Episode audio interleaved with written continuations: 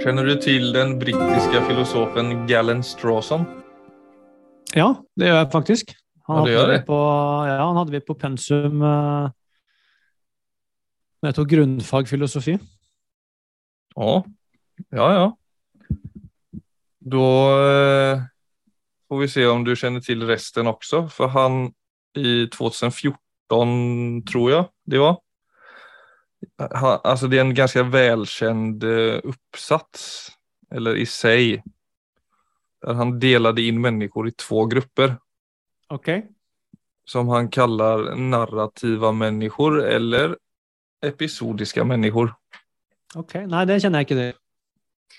Nej, okej, det är bra. För det här eh, har jag gått och tänkt på i det sista. Ja, efter att jag tog del av det. Ja. Eh, nei, altså det det bygger på da, er at det er två måter å være i verden på. Og om man starter med liksom narrativa mennesker, så har de en tendens å se eh, livet som en stor helhet, altså med lagrade minnen fra før, altså datiden, som på en måte stormer inn i nu, nutiden. ja.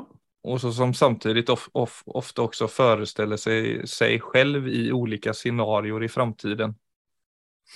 Alltså om du tar ett exempel så har du varit på en Bruce Springsteen-konsert som ung. Eller som ung vuxen. Och sen är du på samma konsert med samma artist tio år senare. ja. Så kan minnena från liksom den första konserten vara så aktivt och påkopplat att det kan kännas som om du upplever den nya konserten med känslorna fra før. Ja.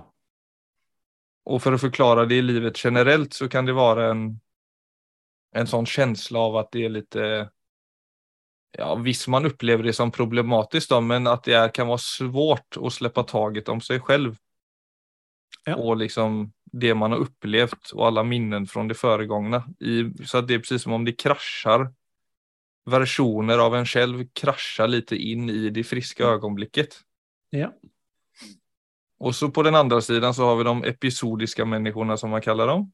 Och mm, enkelt sagt så är det då en mindre benägenhet att limma liksom fast en identitet i ett långt narrativ på det Mm. sättet som, som eh, narrativa människor då gör att det, det är mindre vanligt att definiera sig själv via det som har hänt och det som ska ske. Då. Så teorin är ju att de inte lever i samma stora grad genom minnena från förr Ja, ja. egentligen. Absolutt. Ja. Men så har ju de precis som narrativa människor eh, blivit formade av det som har hänt. Det är ju en fälles betegnelse. Och så är det också Mm. sån, ja det är ju gråzoner i detta, vill, vill jag tro. ja, det er Eh, garantert. Ja, jag tror alla som lyssnar kan säkert liksom känna igen sig både i det ene og det andre. Ja, det, ja, vi har jo begge deler i oss, så det Ja, og jeg hadde, altså Etter at jeg hadde lest om dette, så hadde jeg gitt en liten samtal eh, om det Og så spurte jeg henne hva hun, ja hva er det du kjenner igjen det mest i? Og så sa hun at jeg er nå veldig narrativ, sa hun først. Mm. Och hon, då henne, hennes liksom, hon förklarade det på ett sätt som att hon känner att hon lever vad ska säga, flera versioner av sig själv då, i, i möte med livet. Alltså har hon haft en kärste och så har hon en annan kärste och så har sedan ett möte med mig som kärste så är liksom minnet från alla kärster kan träda in i det nya forholdet väldigt tydligt. Ja. Men så när jag såg på mig själv så kände jag inte alls, alltså jag, jag vet inte eh, om jag är väldigt episodisk men alltså när jag, jag kan känna att det är ett hav nästan mellan mig och mitt gamla narrativ. Och det vet jag inte om det är alltså mitt, i mitt uppbrott med livet som vuxen och allt som hände i den övergången som jag varit inne på några gånger i podden så, Ja. Så kan jag mer vara vem, alltså vem var ens den där killen som bodde i Onsala utanför Göteborg och älskade fotboll och tjejer och Mm. Men det er, klart, det er klart at det henger sammen med Altså ja, med den kri krisen du hadde, så er det klart så blir jo i hvert fall alt det, all, hele narrativet ditt frem til det, det går jo i stykker. Ja, det er godt å få fatt på. Men jeg føler også at det er et spår som har lagret seg litt i meg.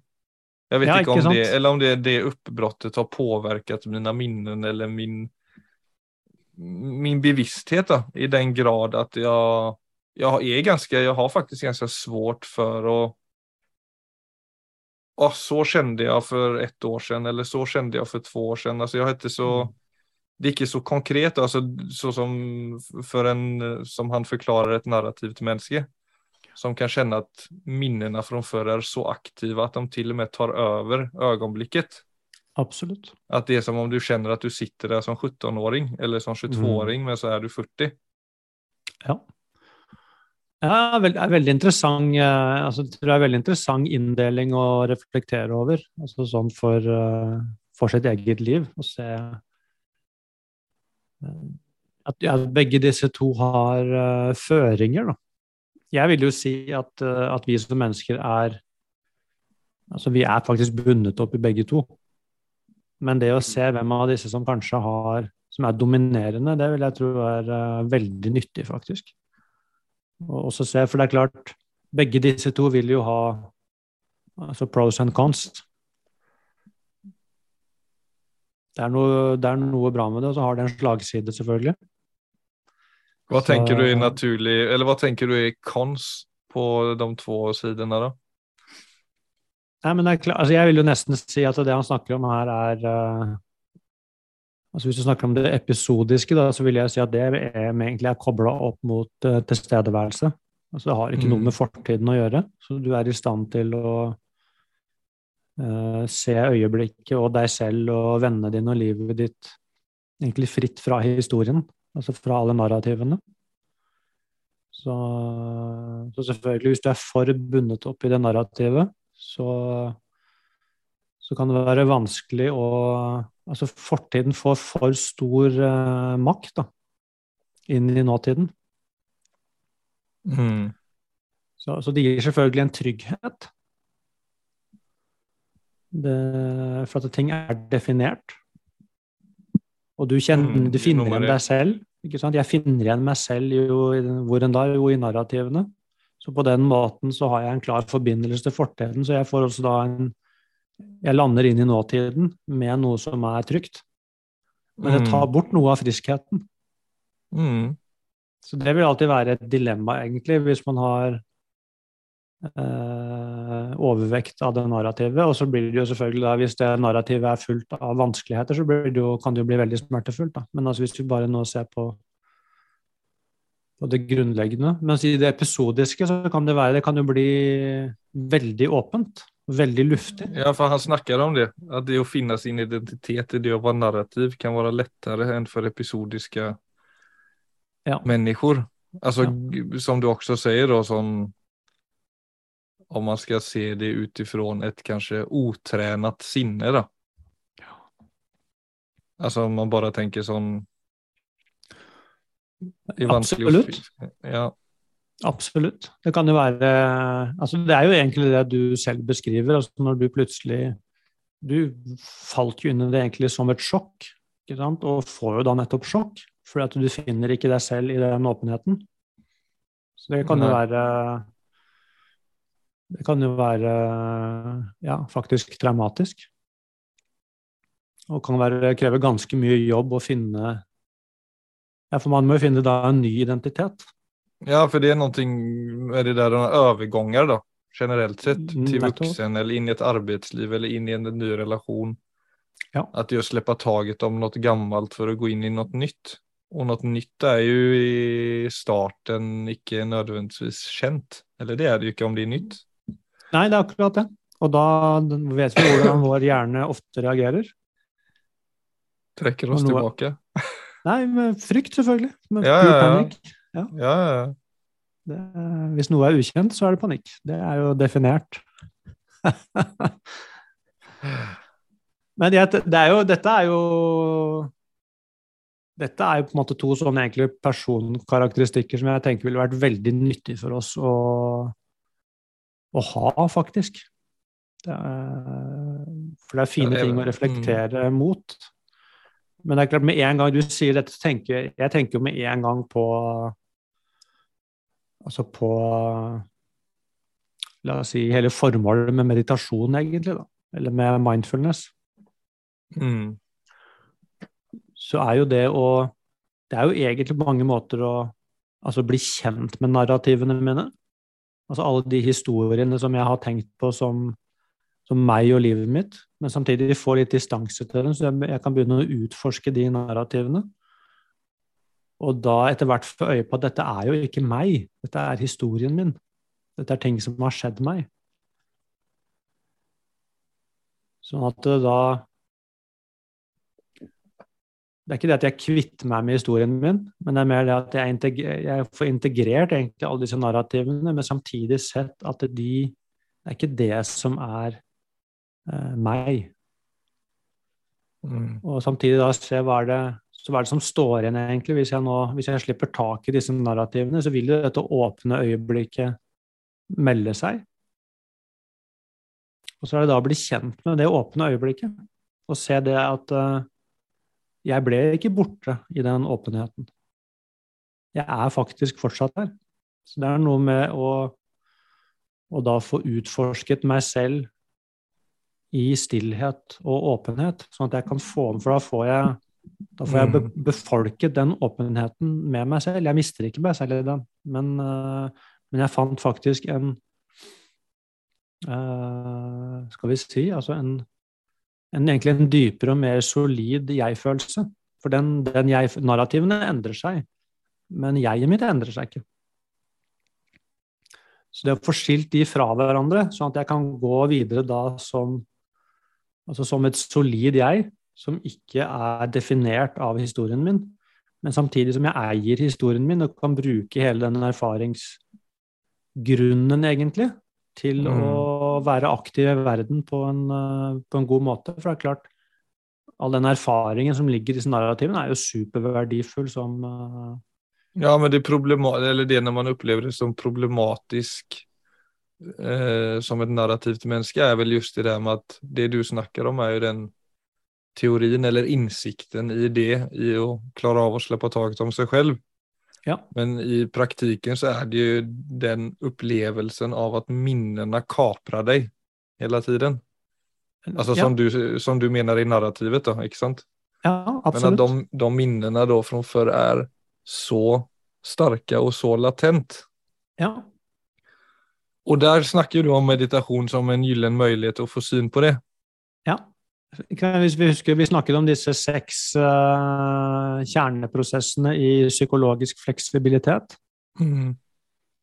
Så er det jo dette med det observerende selvet og kognitiv diffusjon, og egentlig også aksept. Da kommer, er det de tre som kommer inn, for de kan, de kan håndtere disse sterke minnene og emosjonelle ladningene som ligger i disse minnene, nettopp ved å Mm. Jeg kan ta det imot med aksept, men samtidig så kan jeg, kan jeg se på en måte at minnet er der, og, her, og jeg er her.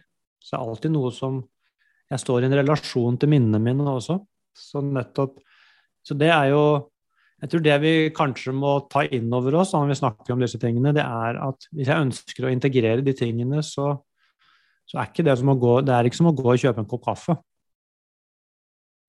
det er å våkne opp til, eh, til hvordan livet egentlig er, og, og, skjønne det at hvis jeg ønsker å leve et godt liv, så, så kan jeg ikke flykte unna. Altså, jeg må ta disse tingene imot. Jeg må reflektere over mitt eget liv. Jeg må, jeg må tåle Jeg må för att min bli egen historie. når det skjer. Ja, det, det er klart det er Det er ingenting av det vi snakker om i denne poden som kommer gratis. Det er, eh, det er litt det samme som å ønske seg liksom eh, god kondisjon og en, eh, en sterk kjernemuskulatur. Det Mm. er ikke sånn livet funker, liksom. Jeg kan ikke sette meg og ta en kopp kaffe og lese en bok for å utvikle kjernen min. Jeg må Lese bok hjelper litt, da. Ikke fullt ut. Nei, men ikke at det, det, er den, det er hele den greia med dette, for dette her er jo Akkurat det vi snakker om her, er jo Ikke så bare å lyssna på podden heller. Nei, det, det, er ikke Det er liksom det å gå ut uh, I verden. Ja. Og, og, fordøye sitt eget liv. Dette med å Bare akseptere at livet er et helvete. Nei, ja, det var, det var, akkurat det. Det er det vi tror vi skal akseptere. Altså, livet er jo helt, uh, må jo si, helt fantastisk. Men altså, det krever Vi må Men det er, ikke, det er jo ikke enkelt å leve et menneskeliv. Nei, det er ikke nødvendigvis det. Nei, så jeg tror det, det er, noen som har alle disse heller. Eller det er kanskje noen har jo, sagt, men da er man det, det syns jeg blir sagt, eh, det blir hinta til altfor ofte. Altså ja. Enkle løsninger på livet, det blir vi fora med, faktisk. Det er som om vi kan kjøpe oss ut av det. Jo, men det er også grunnen til at man kanskje ikke har den der ambisjonen om at et godt liv er innom rekkevidde. Altså, jeg har jo lest flere artikler om upp gjennom åren om det der med att ja, alltså acceptera att livet er helt greit, typ, om jeg skal sammanfatta dem. Ja, det, jeg synes For at... meg så er det altså det verste jeg vet. Ja, ja jeg er også veldig allergisk mot det. Var nøyd om du har fem av ti, liksom. Ja, det er bullshit. Altså, det er sånn uh, Bli fornøyd med sånn halvdepresjon. Mm. Nei, det er ikke sånn livet er. Nei, og så er det jo mange som tykker at det er skjønt å høre på, for at da slipper man litt på kraven. ikke sant? At det kan være sånn Oi, det fikk jeg litt lett, lett, lettere aksler. Men samtidig ja, Og den, den forstår jeg. Ja. Eh, men samtidig så er jo Det er vel det at man går i feil retning ofte, at man leter på feil steder. Ja, altså, Da er vi jo tilbake til alle disse narrativene. ikke sant? Altså, vi tenker på også når vi, jeg skal tenke på altså, hvilke muligheter er det som ligger i et menneskeliv, så vil du si at vi har narrativer på det òg. Jeg, jeg, har en eller annen historie på det, og så er jo spørsmålet hvor kommer den historien fra? Mm. Så Hvis jeg skal slå meg til ro med at nei, enten så har jeg, jeg har bare to valg, det ene er å streve og streve og streve, og egentlig aldri blir bra nok. Det andre er å slå meg til ro med at alt er helt ok. ok. Men det er jo også bare et narrativ. Mm. Så, så, igjen så er det jo dette med Som kanskje også er et narrativ, da, men dette med å undersøke sjøl. Altså, hva er det egentlig som ligger Hva er det egentlig som ligger her?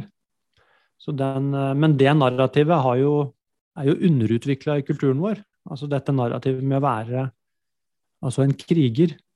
Ikke for prestasjon, men for å leve et godt liv. Men det er klart, da kan du ikke bare Ja, ja, jeg, jeg sier meg fornøyd med dette. Altså det, er, det er noe med den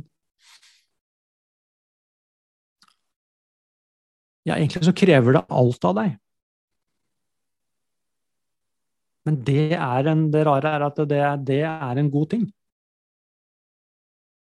Så det er ikke det at det ikke nødvendigvis er så hardt, men det, men det krever, det krever tilstedeværelse, det krever nysgjerrighet, det krever villigheten til å se, det krever ærlighet. Det krever de tingene. Men mhm. det å se at uh, Den muligheten ligger alltid der, men den, den har ofte ikke blitt pekt ut for oss. Det er mye mer de enkle løsningene som blir pekt ut. Klart, ja, men det, har... det, er det som er så interessant med det perspektivet, det der med de enkle løsningene som på en måte ofte kan være de der ytlige kommersielle ideene.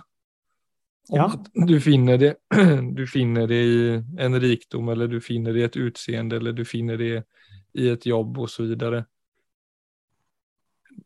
nu har ju vi, alltså vi har ju, som du ju vet, vi har ju fått en, tredje barn som nu är tre månader, Leo. Så vi har blivit fem pers och upplevde ju att vi hade nu en lägenhet som den var 75 kvadrat. Och så kände vi att vi skulle börja se på ett nytt ställe med lite mer plats. Och för vår äldsta son Louis så är det lite sånn vanskelig att flytta från, alltså det är egentligen bara från en gård till en annan, det är samma område. Mm. Mm. Men det er bare til en annen gård. Ja. Og han har jo liksom sitt hjem og sin bas i den andre gården, ikke sant? Mm. Så han ställer masse spørsmål om hvorfor vi flyttet og hvorfor det var mm. nödvändigt och så vidare. Och så nej, vi trengte litt mer plats og bla bla. Så kommer han inn som en sånn sylskarp kniv og så.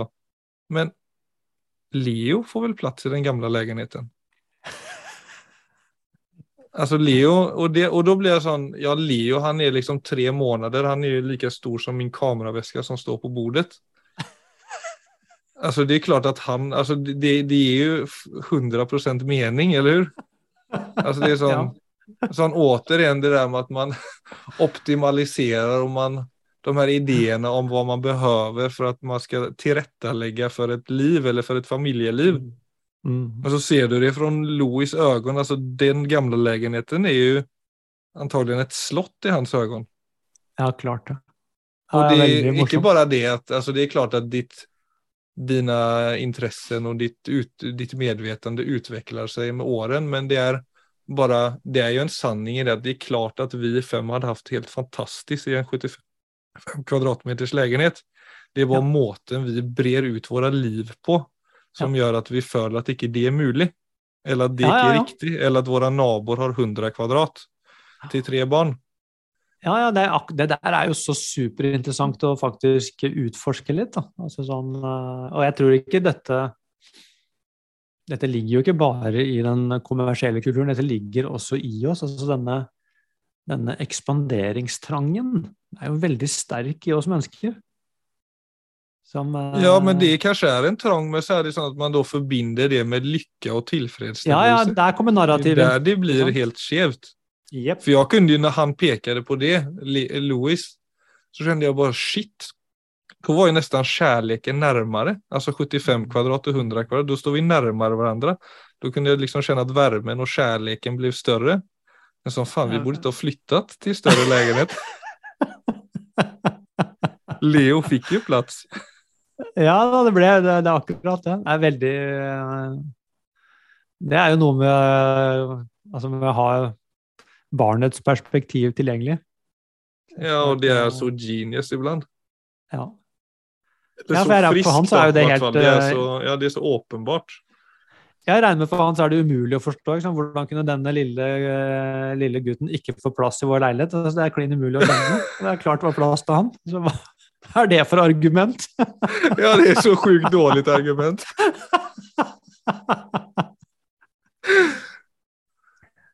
Nei, men liksom, Hvis du ser på denne Jeg syns det er uh, Altså, den første leiligheten du fikk noen gang La oss si Det er ikke sikkert det var sånn i de tilfellene, men la oss si at det var en ettroms.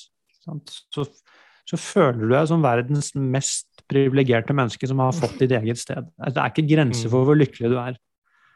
Så går det litt tid, og så får du ideen eller drømmen om en toroms.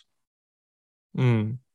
Og plutselig så er det som var et slott og et palass, og som gjorde deg så lykkelig, plutselig så er, det, plutselig så er det for lite. Og det er akkurat den vi kan kalle den drivkraften der, den er jo veldig sterk del av mennesket. Altså denne, og det er klart, den har vi helt sikkert hatt veldig god bruk for, altså sånn for å overleve og sånn, men den, den er det jo veldig greit å bli kjent med. Og plutselig så har du en femroms. Og hvis du mm. da i en eller annen grunn ikke på en økonomisk smell må tilbake til en treroms, så er jo det omtrent sånn at folk tar selvmord. Ja, det er krise. Ja, Og glemmer det at ti år tidligere så var en treroms Da var du verdens heldigste menneske. Så det har ikke Du skal ikke reflektere veldig mye før man ser at det var aldri ettromsen eller treromsen eller femromsen som gjorde meg så lykkelig. Det var rett og mm. slett hva det betydde for meg. Og det, og det flyter. Så det er, eh, det er, fullt mulig å For hvis den der eh, driften der tar over, så blir bare livet en endeløs serie av akkumulering. Og du vil jo, så har levd litt, så ser du at det blir jo aldri nok hver gang jeg får den tingen jeg drømmer om, så er det stille et lite øyeblikk, og så er det bare neste ting.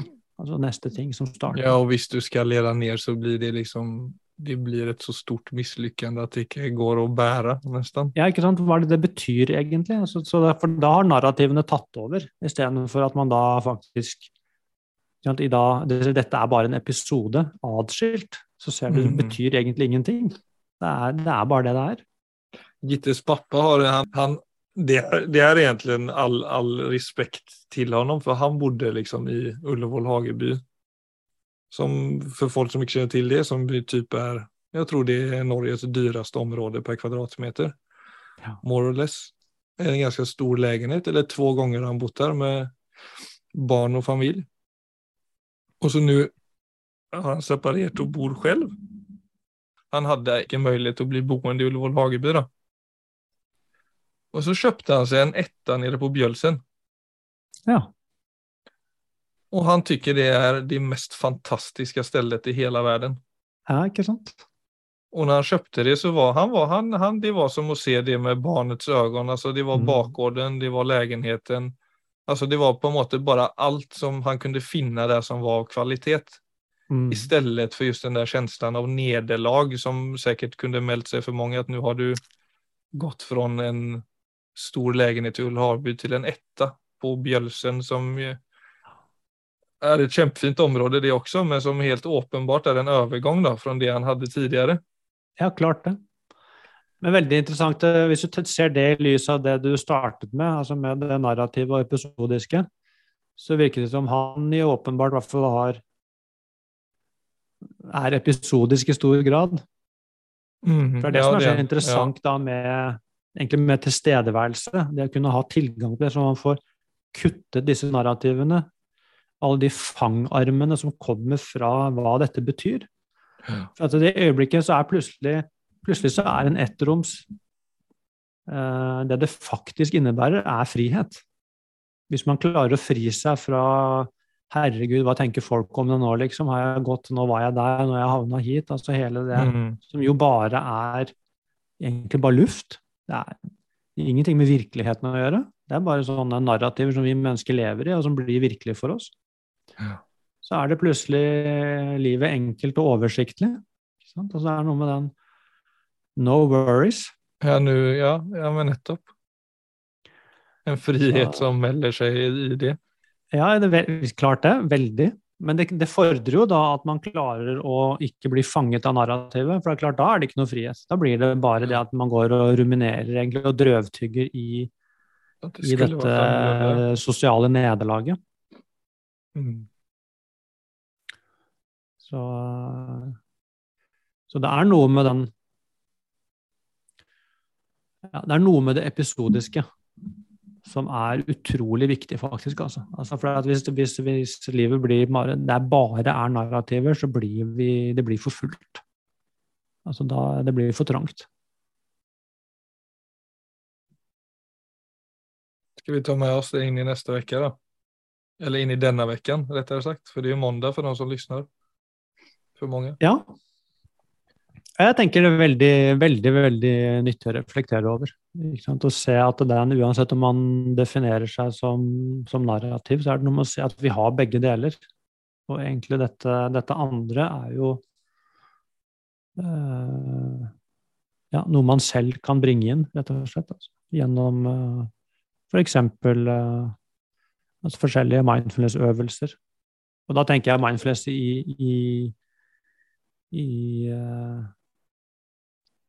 Altså i et bredt perspektiv. Det trenger ikke kalles mindfulness, men det er egentlig bare hva som helst som ikke handler om det narrativet.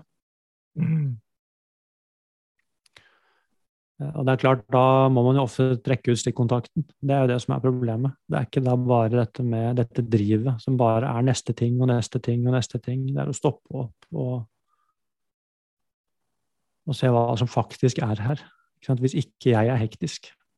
Ja, men det är jo också den kombinationen och de gråzonerna som du säger. För det är någonting med det episodiska som också kan låta väldigt sånn tillfällig och nästan dumsnällt ibland. Alltså sånn, här är du nu och så är du där och så är du där och så har du du kan nesten få en følelse av at du møter også øyeblikket med en liten del av deg. I for det ordet episodisk.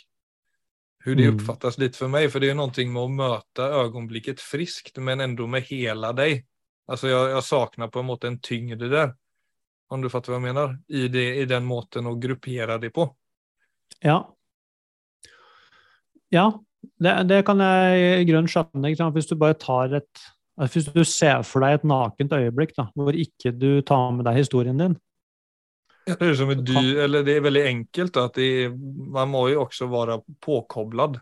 på en god ja, måte. i høyeste grad. Men du kan tenke på at det, kan, det øyeblikket kan jo fremstå eh, liksom som et sjokk, og som, som eh, en trussel.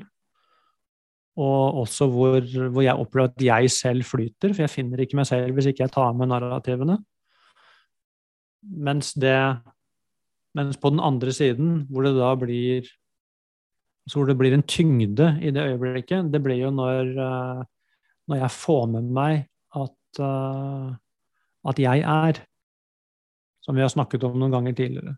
Ja, sånn at, uh, at jeg, kan, jeg, får med meg identiteten min inn i et helt åpent øyeblikk. Fordi jeg har blitt kjent med meg selv som ikke bare et gjørende vesen. Ikke bare gjennom aktivitet og prestasjon, men gjennom å være. At det er en tyngde.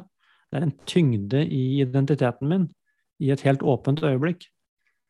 Det er ikke sikkert han Strawson snakker om det, men det er egentlig der jeg vil påstå at disse to tingene forenes. Det er det som egentlig er interessant med det.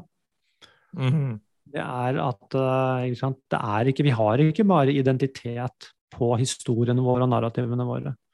Vi har en dypere identitet i bare det å være. Og det er det som er helt avgjørende for, uh, for også at, at egentlig alle disse historiene, alle narrativene, ikke spiser meg opp. Det er først da egentlig jeg kan holde de narrativene med en form for letthet. Mm.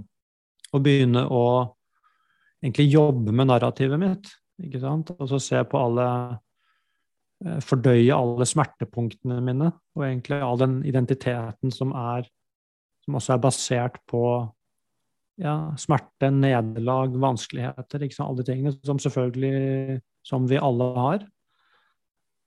Men jeg må ha, annen, jeg må ha et eller annet grunnlag i meg selv som er solid, hvis jeg skal klare å fordøye egentlig å rydde opp i narrativene mine. Mm. Så jeg vil påstå at det er, det er, den biten av det som egentlig er det vi burde snakke mer om. Det er ikke bare narrativ og episodisk, men det er dette med å, å kunne stå i et åpent øyeblikk og kjenne at jeg er. Der dukker denne plattformen opp som gjør at jeg kan stå i livet på, på en annen måte enn hvis det ikke er der. Og det ligger i oss alle. Helt gratis. Ja, men der snakker du om det Det er jo litt det storslagne ved det å være menneske. Eller den, ja, den muligheten i det å være yes. menneske som skiller oss fra djuren og skiller oss fra allting annet. Nettopp. Og som ligger der fra naturens side. Altså kanskje det, det mest bemerkelsesverdige ved å være menneske. Snakker vi altfor lite om.